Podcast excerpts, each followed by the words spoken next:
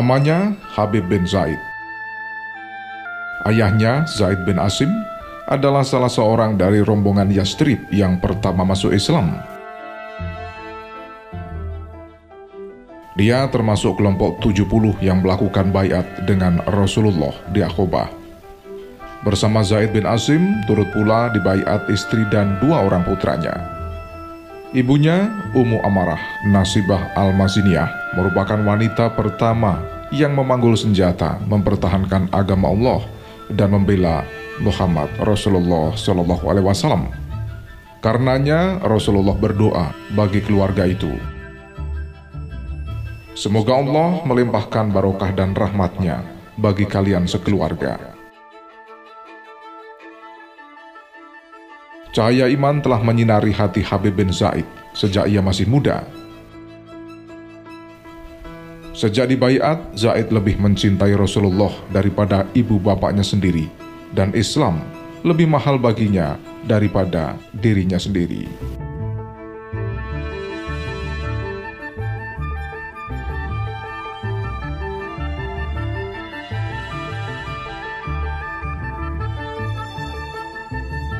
Habib bin Zaid tidak ikut berperang dalam peperangan Badar dan Uhud karena ketika itu ia masih kecil. Tapi sesudah kedua peperangan itu, dia selalu ikut berperang mengikuti Rasulullah Shallallahu Alaihi Wasallam dan bertugas sebagai pemegang bendera perang.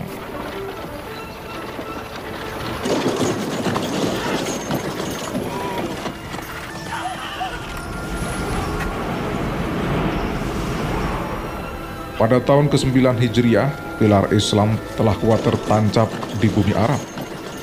Jemaah dari seluruh pelosok Arab berdatangan ke Yastrib menemui Rasulullah Shallallahu Alaihi Wasallam masuk Islam dan berjanji serta patuh setia kepada ajaran Islam. Di antaranya terdapat rombongan Bani Hanifah dari Najib. Mereka menambatkan unta-untanya di pinggir kota Madinah. Seorang di antara penjaga itu bernama Musailamah bin Habib al-Hanafi. Para utusan yang tidak bertugas menjaga kendaraan pergi menghadap Rasulullah Shallallahu Alaihi Wasallam dan menyatakan masuk Islam beserta kaumnya. Rasulullah menyambut kedatangan mereka dengan hormat. Bahkan beliau memerintahkan supaya memberi hadiah bagi mereka dan kawan-kawannya yang tidak turut hadir karena bertugas menjaga kendaraan.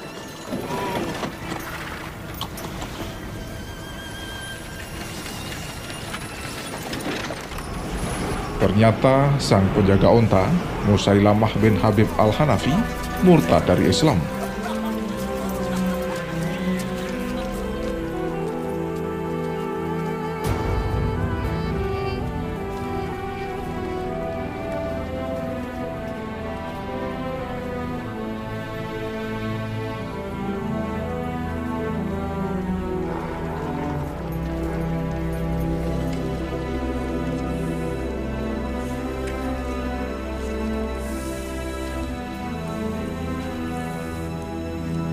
Dia berpidato di hadapan orang banyak dan menyatakan dirinya Nabi dan Rasulullah.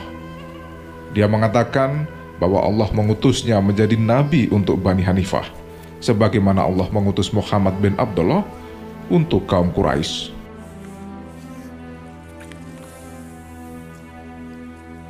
Bani Hanifah menerima pernyataan Musailamah itu dengan berbagai alasan. Di antaranya karena kesukuan.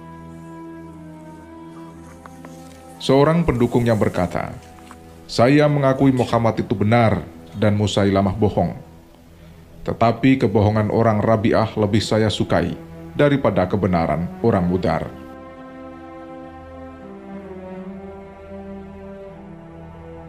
Ketika pengikut Musailamah bertambah banyak dan kuat, dia mengirim surat kepada Muhammad Rasulullah yang intinya mengajak bersekutu, saling berbagi pengaruh dan kekuasaan. Surat tersebut diantar oleh dua orang utusan Musailamah kepada Rasulullah Shallallahu Alaihi Wasallam. Selesai membaca surat itu, Rasulullah bertanya kepada keduanya, Bagaimana pendapat Anda berdua mengenai pernyataan Musailamah ini? Mereka lalu menjawab, kami sependapat dengan Musailamah. Lalu Rasulullah berkata, Demi Allah, seandainya tidak dilarang membunuh para utusan, sesungguhnya telah kupenggal leher kalian. Lalu Rasulullah membalas surat Musailamah. Dengan nama Allah yang maha pengasih lagi maha penyayang, dari Muhammad Rasulullah kepada Musailamah sang pembohong. Keselamatan hanyalah bagi siapa yang mengikuti petunjuk yang benar. Sesungguhnya bumi ini adalah milik Allah. Dialah yang berhak mewariskannya kepada hamba-hambanya yang dikendakinya. Kemenangan adalah bagi orang-orang yang takwa.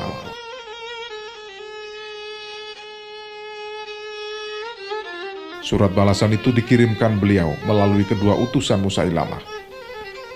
Ternyata surat itu tak dihiraukan Musailamah. Semakin lama ia bertambah jahat dan kejahatannya semakin meluas. Rasulullah mengirim surat lagi kepada Musailamah, memperingatkan supaya menghentikan segala kegiatannya yang menyesatkan.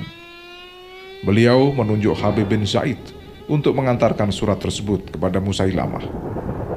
Ketika itu, Habib masih sangat muda. Tapi karena Rasulullah melihat ia adalah pemuda yang mukmin dan beriman kuat, maka ia mengutus Habib bin Zaid.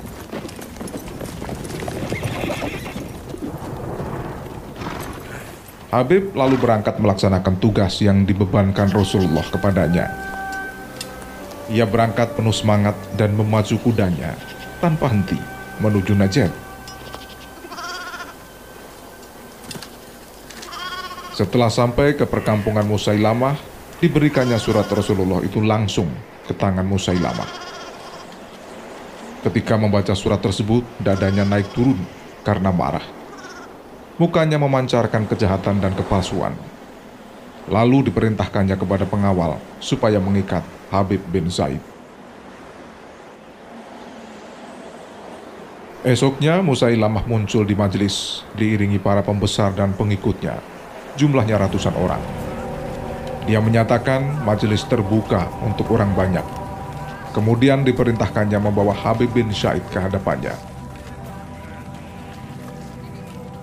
Habib lalu masuk ke dalam majelis dalam keadaan terbelenggu dan berjalan tertatih-tatih karena beratnya belenggu di kedua kakinya.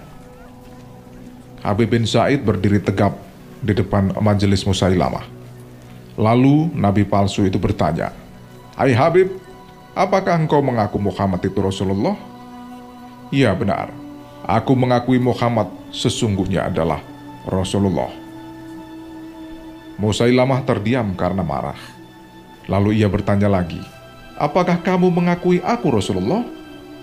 Habib bin Said menjawab, agaknya telingaku tuli Aku tidak pernah mendengar ada bani bernama Musailamah yang telah menjadi nabi.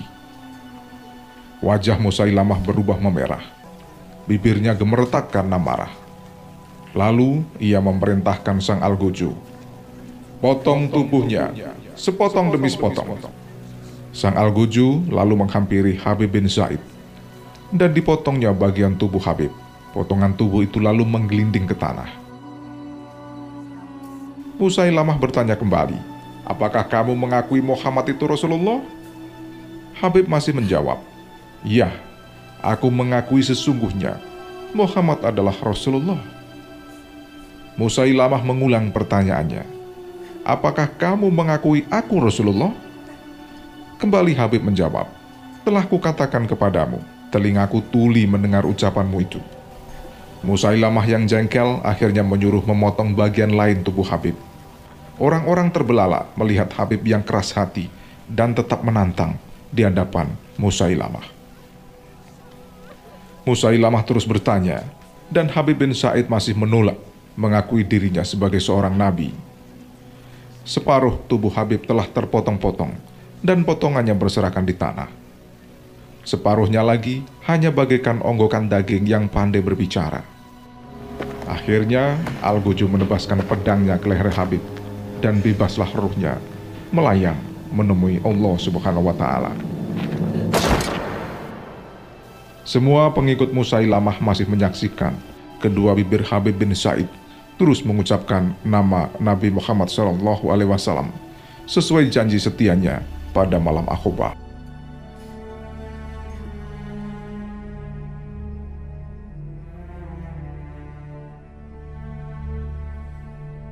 Setelah berita kematian Habib bin Said disampaikan kepada ibunya, Nasibah bin Maziniyah berucap, seperti itu pula lah aku harus membuat perhitungan dengan Musailamah Al-Khatsab. Dan kepada Allah jua, aku berserah diri. Anakku Habib bin Said telah bersumpah setia dengan Rasulullah Shallallahu Alaihi Wasallam sejak kecil. Sumpah itu dipenuhinya ketika dia masih muda belia. Seandainya Allah mengizinkan, aku akan berperang melawan nabi palsu dan akan kuajak anakku yang lain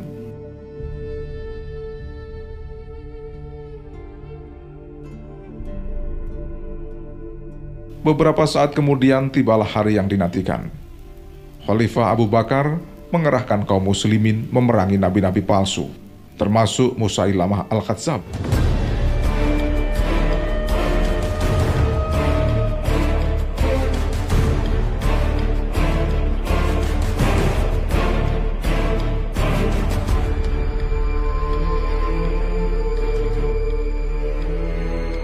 pasukan kaum muslimin lalu berangkat. Dalam pasukan itu terdapat Nasibah Al-Maziniyah dan putranya Abdullah bin Said. Ketika perang di Yamamah berkecamuk, Nasibah membelah barisan demi barisan bagikan seekor singa. Nasibah berteriak, "Di mana musuh Allah itu? Tunjukkan kepadaku!"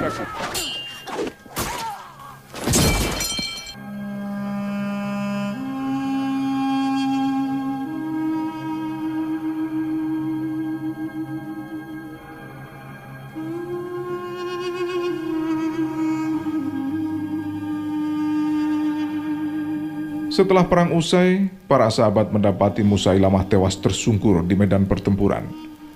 Darahnya membasahi pedang kaum muslimin. Tak lama kemudian, para sahabat menemukan Nasibah gugur sebagai syahidah. Keduanya meninggal di medan pertempuran. Para sahabat saat itu melihat ruh Musailamah dan Nasibah melesat ke angkasa. Namun, keduanya berbeda arah. Kata Rasulullah, roh nasibah ke surga, sedangkan Musailamah menuju ke neraka.